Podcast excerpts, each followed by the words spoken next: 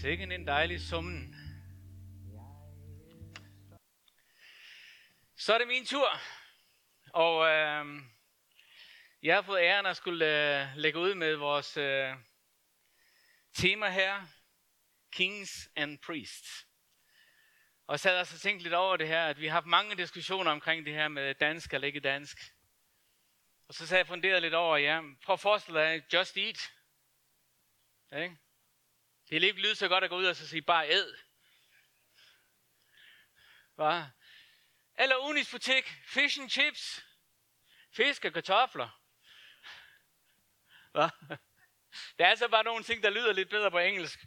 Så, så det tillader vi os at lege lidt med. Men øh, det, som er min opgave i dag, og som øh, jeg ligesom har sat fokus på, som jeg har arbejdet med, det er ikke så meget, hvad disse opgaver indebærer, men mere selve udvælgelsen. Og hvad der ligger i, at Gud har udvalgt os til at være konger og præster. Og øh, som Jørgen han læste i Peters brevet, så jeg vil gerne læse det igen her, så er der en, en stærk markering af fra Guds side.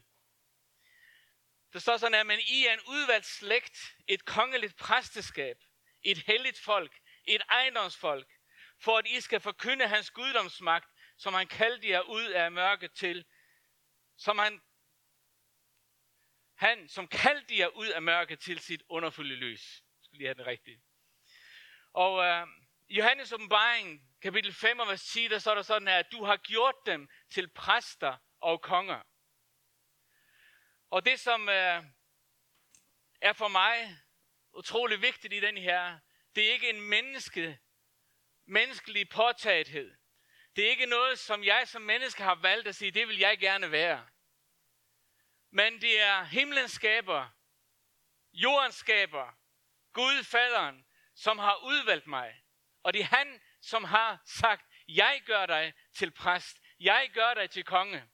Og det skal vi prøve at kigge lidt øh, på her. Øhm, Øh, du kan jo faktisk godt sådan begynde at mærke den der følelse, håber jeg. Tænk sig, at vi har blot blod i vores år. Mm. Det er noget, vi er født til. Min mor, jeg er sådan, jeg, jeg tror ikke selv på det, men min mor har altid fortalt mig, at du har blot blod i dine år. Og det var jeg sådan lidt stolt af at høre. Indtil hun fortalte, hvem det var, hvor det stammede fra. Og det var ham, den konge, der var skør i knollen. Så at, øh, så jeg har ikke grænsket mere i det. Så jeg prøver sådan ligesom at øh, holde mig lidt på, sådan tænker jeg sig, øh, det er nok ikke den, den form for kongelighed, jeg har lyst til at være identificeret med. Ham den skør. Jeg vil gerne være identificeret med den kongelighed, som himlen skaber, jordens skaber. Han er, og jeg vil gerne have hans blod og have hans værdighed og hans udvalgelse ind i mit liv. Jeg har lyst til ligesom at prøve at tegne et billede af, omkring dette med kongelighed, og den her præsteudvælgelse. Fordi at jeg tror på, at Jesus var vores eksempel igennem alt, hvad han gjorde. Det vil sige, hans måde at agere som konge på jorden, er et forbillede på, hvordan du og jeg skal agere som konge. Hans måde at agere på som præst på jorden, er, hans, er den måde, som du og jeg, vi er kaldet til at udøve præsteskab her på jorden. Vi tror ikke på rang. Vi tror på, at vi er ligestillet i Guds øjne. Og at hver eneste en af os har den samme værdighed, har den samme udvalgelse og har den samme kaldelse, som, øh, som, som Gud har udtalt her, og som han kaldte Jesus Kristus til. Uh, en af de stærkeste beskrivelser af Jesu kongelighed og præsteskab, det finder vi i Hebræerbrevet, kapitel 7 og vers 1-13. Der står sådan her, at der står om Melchizedek, Salems konge, præst for Gud, den højeste. Og det her det er en beretning fra Gamle Testamente, hvor Abraham har været i krig og været med til at befri sine kære, og uh, har oplevet en, en kæmpe sejr, og så møder han den her Melchizedek. Og der står, at det var ham, som gik Abraham i møde, da han vendte tilbage efter sejren over kongerne og velsignede ham. Og som Abraham gav tiende af alt det sammen. Han er for det første, når hans navn oversættes, retfærdighedskonge. Dernæst er han Salems konge, og det vil sige fredskonge. Han er uden far, uden mor, uden stamtræ. Han har hverken begyndelse på sine dage eller afslutning på sit liv, men er gjort til et billede på Guds søn og forbliver præst for bestandigt. Det her taler Bibelen om. Gud taler om, om den her Melchizedek og siger, at Jesus var et, et billede på den her Melchizedek. Og vi læser om det i øh, Hebræerbrevet 5, vers 10. Blev af Gud kaldt ypperste præst på Melchizedeks vis. Det er, det er Jesus, der tales om her. Og prøv igen det her. At øh, uh, Melchizedek var udvalgt af Gud. Jesus var udvalgt af Gud. Og Gud siger, du er udvalgt af Gud. Jeg må indrømme, jeg har haft svært ved nogle gange at sluge nogle af de her, for de er så en enorm kaldelse, der bliver lagt ind over ens liv. Men den her kaldelse er ikke lagt ind over vores liv, for vi skal udøve negativ autoritet. Eller negativ myndighed. Den er lagt på os for at udøve Guds autoritet og Guds myndighed i den her verden, som vi lever i. Jeg tror ikke på, at, at, øh, at, at, vi kan afsætte regeringer, eller vi kan afsætte myndigheder, at vi, kan, øh, at vi, vi skal gå ind og styre samfundet på den måde. Men vi er sat til at bede for konger. Vi er sat til at bede for dem i høje stillinger. Vi er sat til at løfte dem op, ære dem og takke Gud for dem. Og dem, som øh, måske vi synes en gang imellem, ikke gør det, som øh, vi tænker er en værdig måde for en, en leder at gøre det på, så beder vi. I stedet for at svine til. Vi beder. Fordi vi tror på Guds autoritet, vi tror på Guds myndighed. Og vi kan bede for de her mennesker. Det der bare ofte er blevet igennem historien. Når man taler omkring de her ting, så har jeg set mange gange, at det udløser nogle gange en meget negativ autoritet. Også hvor ledere træder frem og kræver lydighed, kræver underlæggelse, kræver den her autoritet. Og det har aldrig været det, som Gud har tænkt. Gud har sagt, vi er alle præster og konger sammen med ham. Han er den, der regerer. Han er den, der styrer, og vi er sat ind i denne tjeneste sammen med ham. Så den, du sidder ved siden af, hvis det er en troende person, så sidder du sammen med en kongelig person, og du sidder sammen med en præst. Og kan reagere som konge, og kan reagere som præst. Prøv lige at kigge på dem. Tænkte, hold op, det var da... Der var... Hvad? så kunne man sådan lige prøve at øh, vende den sådan lidt og så sige, hvordan omtaler jeg så de kongelige, jeg nu sidder sammen med? Ja. Hvordan omtaler jeg dem? Hvordan taler jeg om dem? Hvordan taler jeg om, om den, her, den her præst, som Gud har indsat, som jeg nu sidder ved siden af? Og for mig, så når jeg læser det her, så kan jeg mærke et eller andet sted, jeg bliver ramt lidt en gang imellem. Fordi at øh, det her, det er ikke bare det, at Gud har udvalgt mig. Men det handler også om min værdighed over for andre. Hvordan jeg reagerer over for andre. Og hvordan jeg lader mit kongelige, min kongelighed komme til syne over for de mennesker, jeg møder i min hverdag. Eller hvordan jeg lader, øh, får mit præsteskab til at blive synligt, i, øh, når jeg er sammen med mennesker rundt omkring. Det kan Johnny og de andre få lov til at fortælle jer om.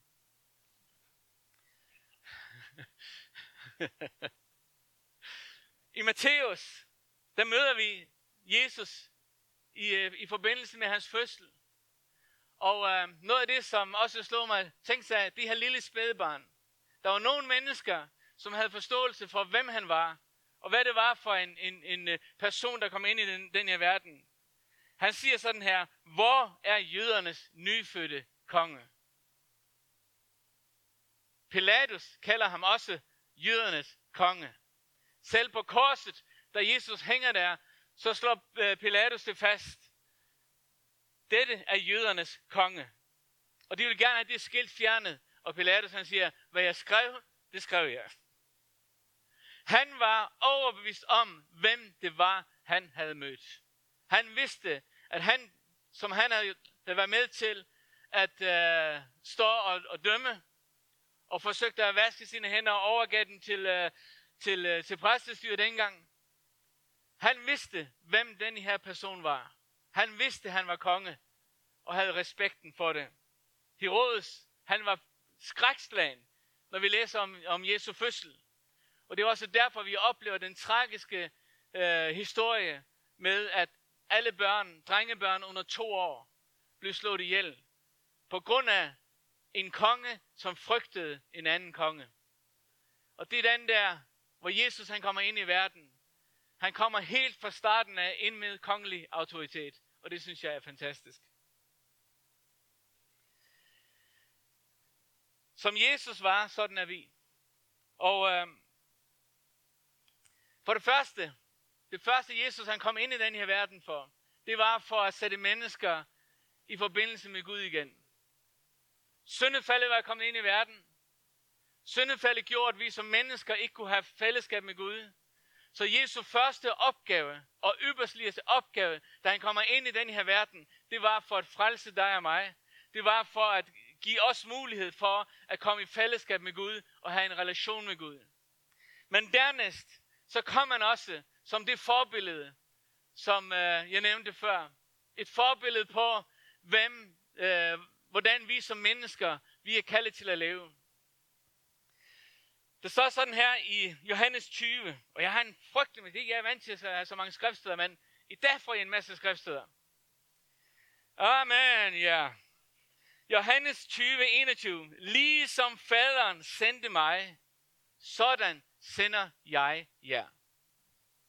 Prøv lige at tykke lidt på det vers. Ligesom faderen sendte mig, sender jeg jer.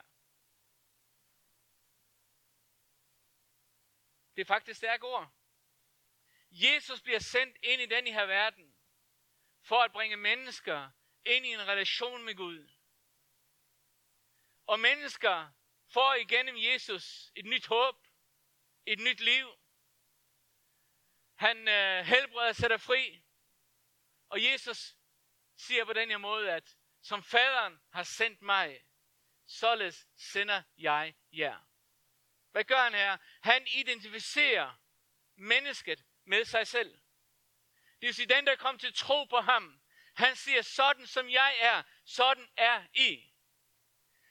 Det står også i 1. Johannes 4, 17. For som han er, er også vi i denne verden. Som han er, er også vi i denne her verden.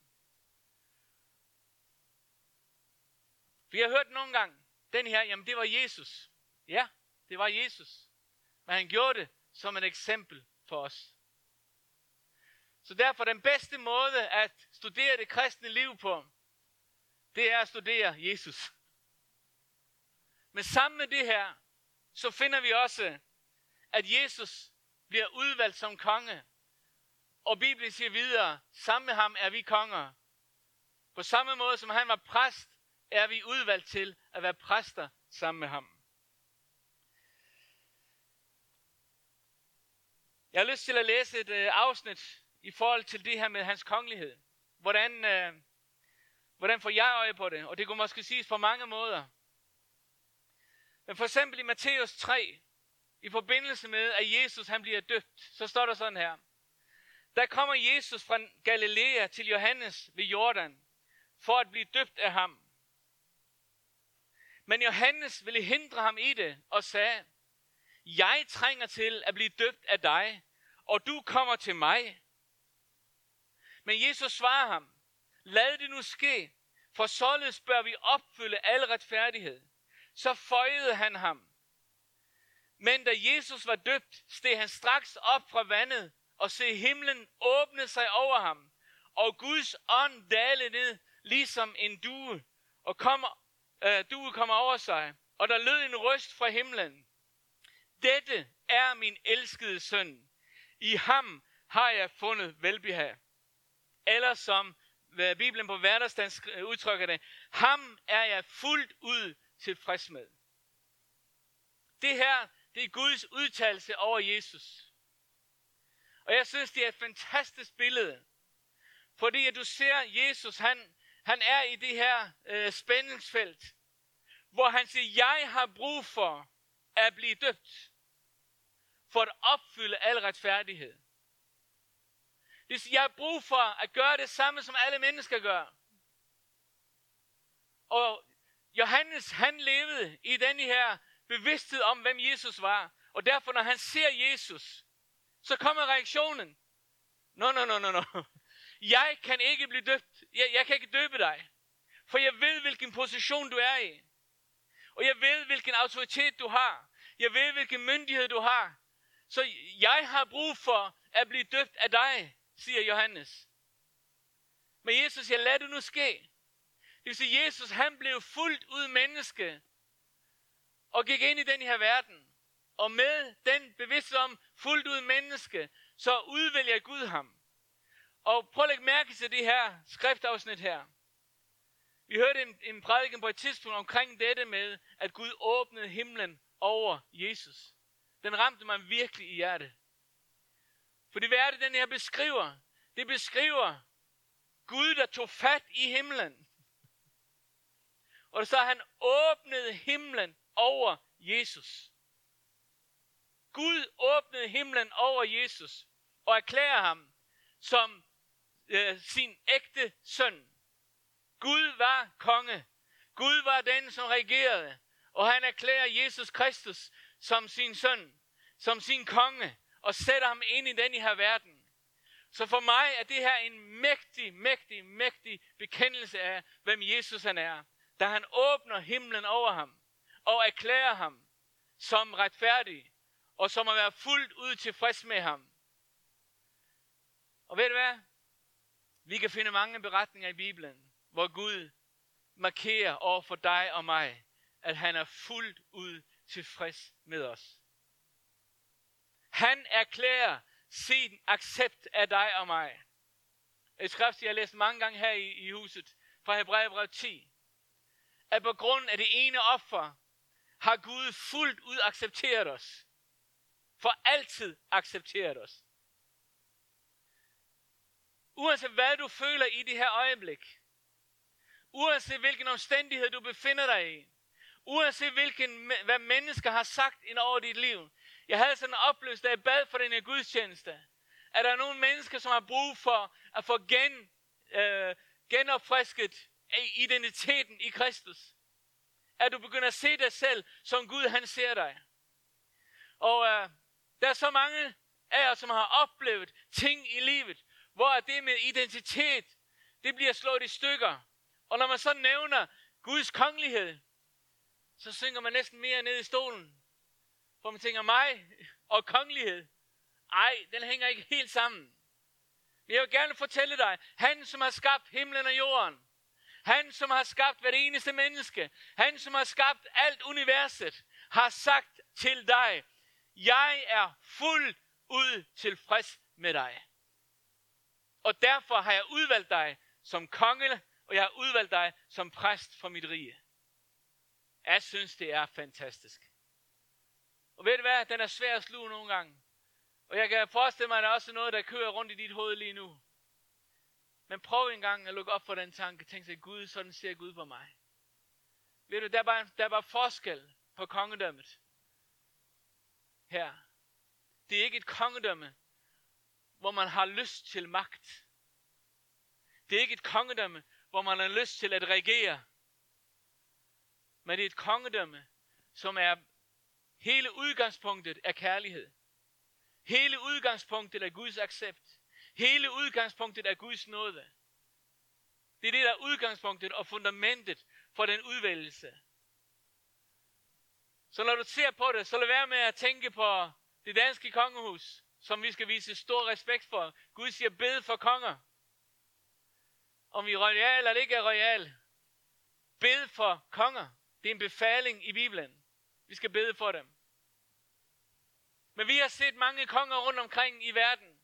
Og det er måske ikke alle, der har den bedste historie med sig. Men jeg vil gerne fortælle dig, at min far i himlen, som har udvalgt mig, han har det bedste ry. Og ved du hvad, ham vil jeg gerne stille mig til rådighed for at sige, Gud, hvis du siger, at jeg er konge, så lad mig være konge og få lov til at reagere med den magt og myndighed, som du har givet mig. Amen. I uh, Matthæus 28, der siger Jesus også på den her måde her. Han siger, Gud har givet mig al magt i himlen og på jorden. Og vi læser også andre steder, hvor Gud siger, jeg har givet jer magt. Vi har fået den magt. Men igen, det er ikke en negativ magt. Det er ikke en negativ autoritet. Men det er en magt, som er styret af kærlighed. Når jeg ser et menneske, der, der kæmper med sygdom, så får jeg lyst til at tale til den sygdom. Og befale den om at gå. Hvorfor? Fordi jeg tror på, at det er Guds hjerte for det menneske. Jeg vil ikke stille mig foran det menneske og prøve at vise min magt og myndighed, og nu skal du bare underordne dig og så videre. Ved du hvad? Må Gud befri os fra alt det. Men kan vi få lov til at tjene ud fra det hjerte, som var i Jesus? Og prøv at høre, der findes ikke nogen konge i den her verden, som har kunnet udøve sin kongemagt med så stor værdighed, som Jesus Kristus han gjorde. Han kunne have befalet legioner af engle til at komme til sig, da han hang på korset. Men hans værdighed og hans kongelighed, den var langt større end det. Og han siger, jeg vil gerne gå den her dødens vej, og på den måde vise min almagt ved at befri folket. Halleluja. Det må man gerne sige i en kirke. Amen.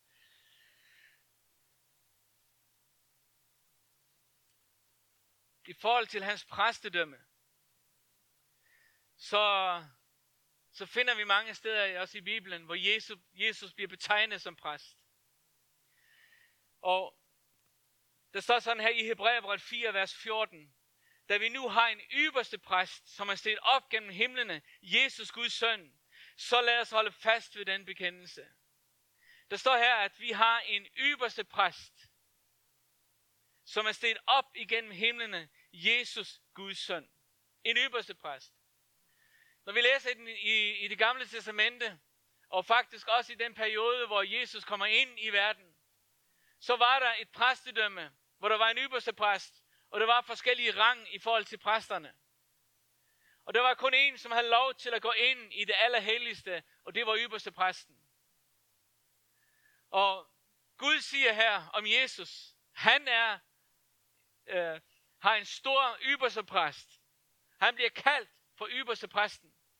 Han får den myndighed på sig. Han får den autoritet på sig. Og som præst, så hjalp han mennesker ind i relation med Gud. Han bad for folket. Han underviste dem. Han trøstede dem, som havde brug for det. Og han talte på Guds vegne til folket. Når jeg ser Jesus og den måde, han reagerede på, og som øverste præst, der ser jeg bare igen en mand, han blev hånet og spottet. Han blev spyttet på. Han blev vandært af mennesker. Og alligevel, det menneske ikke vidste, her står vi med den højeste rang i præsteskabet. Ypperste præsten over alle ypperste præster. Jesus Kristus, Guds søn. Vi står med ham her, og vi taler til ham på den måde. I forhold til, da han blev, der blev lidt til korset, den smerte, han måtte igennem, den lidelse, han måtte igennem. Men hele vejen igennem, så bar han et hjerte af en præst. Da han går igennem den, den vej, som bliver kaldt for Via del Rosa, hvor han bare korset, smertens vej. Han blev hånet der, han blev spyttet på.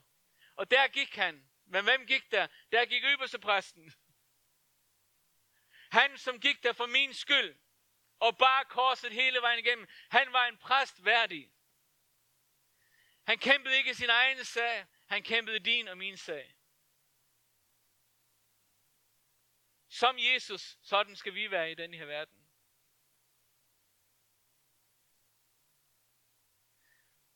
Og så er der bare en anden beretning i Bibelen, som så rammer mig, når jeg læser det her. Og det var også i sammenhæng med den undervisning, vi fik på et tidspunkt omkring det her med, da Gud åbnede himlen over Jesus. Jeg har lyst til at læse i Matthæus 27, 51-53. Der står sådan her, i forbindelse med Jesu død, at da Jesus han dør, og se forhænget i templet flænges i to dele, fra øverst til nederst. Jorden skælvede, klipperne revnede, og gravene sprang op, og mange af de hensåede helliges læmer stod op, og de gik ud af deres grave og kom, til, kom efter hans opstandelse ind i den hellige by og viste sig for mange. Jeg tænker mig, scary! Hvad? Jamen onkel, du døde der for 10 år siden. De mødte nogle af deres familiemedlemmer, der gik der. En mægtig manifestation i forbindelse med Jesu død. Men det, der så også står, og det, der som er for mig er den stærke markering i det her, det er, at på samme måde som Gud åbnede himlen over Jesus, så står der så revnet forhænget ind til det allerhelligste. Og det blev revet i stykker fra øverst til nederst. For mig ingen tvivl om, det var Gud, der tog fat i dette forhæng og rev de i stykker. Ikke nok, han bare rev de i stykker, han lod også tempelmurene falde sammen. Hvorfor gjorde han det her? Det var for at vise, i dag er du gjort til den præst, som Gud har kaldet dig til at være. I det gamle pagt, i det gamle testamente, så læser vi om, det var kun ypperste præsten, der havde lov til at gå ind i det allerhelligste. Han gik ind på, på, på vegne af folket.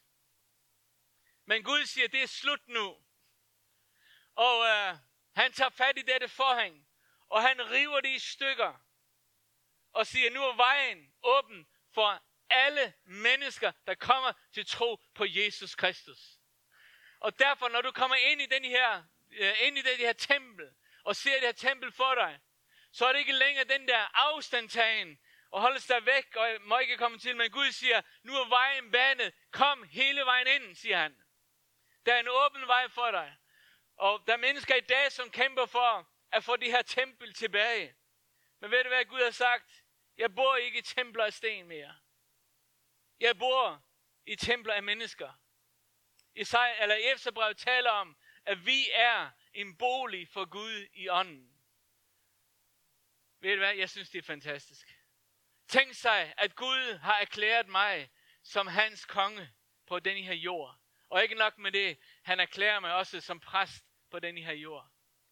Og jeg kan godt mærke, at folk nogle gange får sådan lidt respekt, når, når er du præst, så får de sådan en eller anden, sådan, ved, man, man, yes, jeg har været i selskaber, og jeg befærder, jeg befærder øh, mig nogle gange i nogle selskaber, som, hvor det ikke altid er de bedste toner, der lyder. I hvert fald ikke evangelietoner. Og øh, når jeg kom ind ad døren, så har jeg nogle gange oplevet den præsten er her.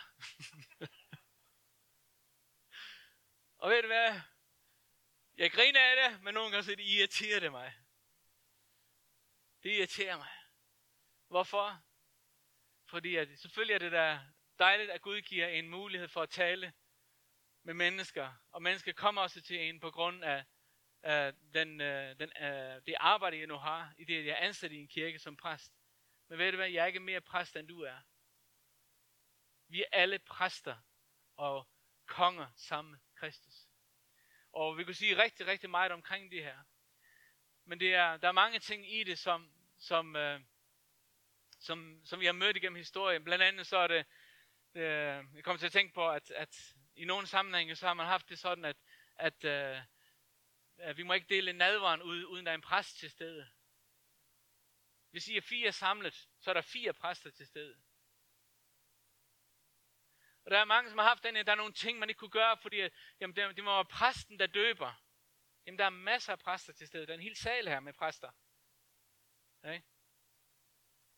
Og, og vi kan, og derfor tror jeg, at det er vigtigt, at vi som, uh, enkelt individ begynder at anerkende den kaldelse og den udvalgelse, Gud har lagt ned i vores liv. Jeg vil gerne sige til dig, som kæmper med din identitet. Du drømmer ikke om, hvor værdsat du er i Guds øjne. Det er godt, hvad du har oplevet nogle udtalelser fra nogle mennesker over dit liv. Men jeg har lyst til at sige til dig den her dag, du har brug for at takke Gud for hans præstedømme i dit liv, og hans kongelighed i dit liv. Tænk sig, at du kan få lov til at stå frem som konge. Tænk sig, du kan få lov til at stå frem som præst. Halleluja. Derfor kan du, uanset hvor du er, du kan betjene mennesker med nadvar, uden problemer. Du kan bede for de syge. Du kan udøve autoritet. Ser du nogle ting, hvor du kan mærke, at det her, det er, det er simpelthen ikke, det er ikke i orden det her. Så har Gud givet dig myndighed, kongelig myndighed til at gå ind i den åndelige verden. Og være med til at bede igennem. Og bryde ting i den åndelige verden. Og så se Guds indgriben i menneskets liv. Halleluja.